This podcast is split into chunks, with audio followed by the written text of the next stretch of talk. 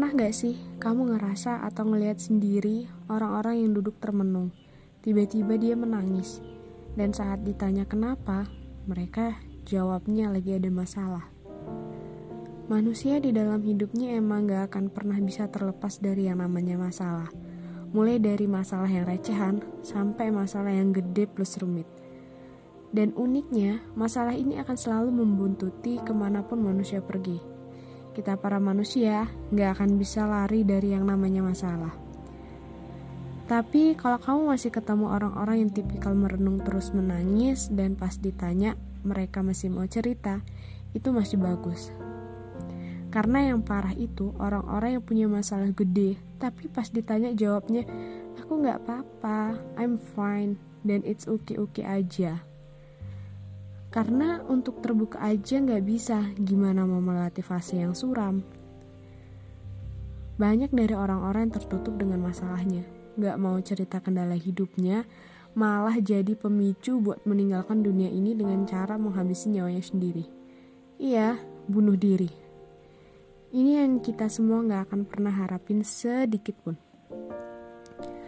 Nah, untuk menghindari kecenderungan itu, maka kita harus mampu mengatasi setiap masalah yang sedang menimpa diri kita sendiri. Nah, cara-caranya ada beberapa. Yang pertama, menyadari bahwa kita bukan satu-satunya dan orang pertama yang menerima masalah tersebut. Pasti udah ada orang yang mengalami patah hati, punya utang yang segunung, ibu bapak yang akan bercerai, Nah, dengan menyadari bahwa kita bukan satu-satunya orang yang mendapatkan masalah tersebut, kita tidak akan merasa sendirian dan bisa mencari tahu bagaimana caranya mereka orang-orang terdahulu ini survive dan juga melewati masa itu. Kita bisa ikutin caranya, modifikasi sesuai kondisi kita dan ya harapannya masalah kita bisa lekas teratasi. Yang kedua, melihat masalah dengan perspektif yang luas. Masalah diselingkuhin sama masalah kemiskinan di negara ini lebih besar mana sih?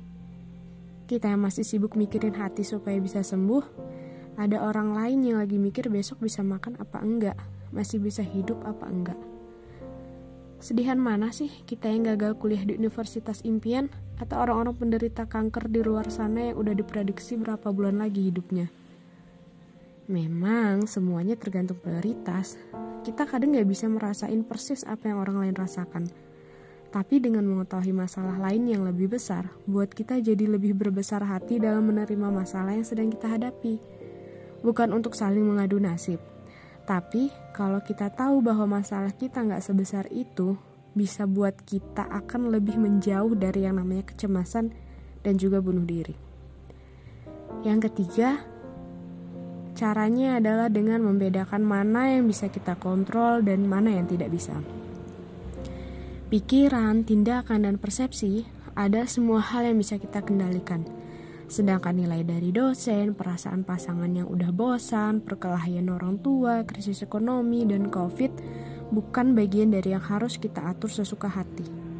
Tugas kita usaha, belajar yang giat, kalau nilainya masih belum mencapai keinginan, ya nggak apa-apa, itu bukan bagian yang bisa kita tentukan sendiri.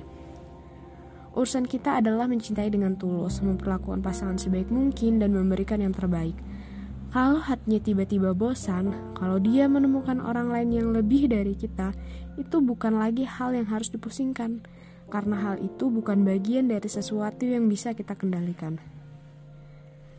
Dengan menyadari bahwa garis pemisah antara tindakan kita dan orang lain, bahagia itu akan lebih mudah mendekat. Nah, karena masalah dan hidupnya manusia itu nggak bisa dipisahin, maka kita yang harus belajar memeluk masalah itu, memeluk luka itu, dan menerimanya sebagai bagian dari hidup. Yang akan terus membersamai kita kapan pun dan di mana pun. Sekian cerita hari ini, besok lusa cerita lagi ya. See you.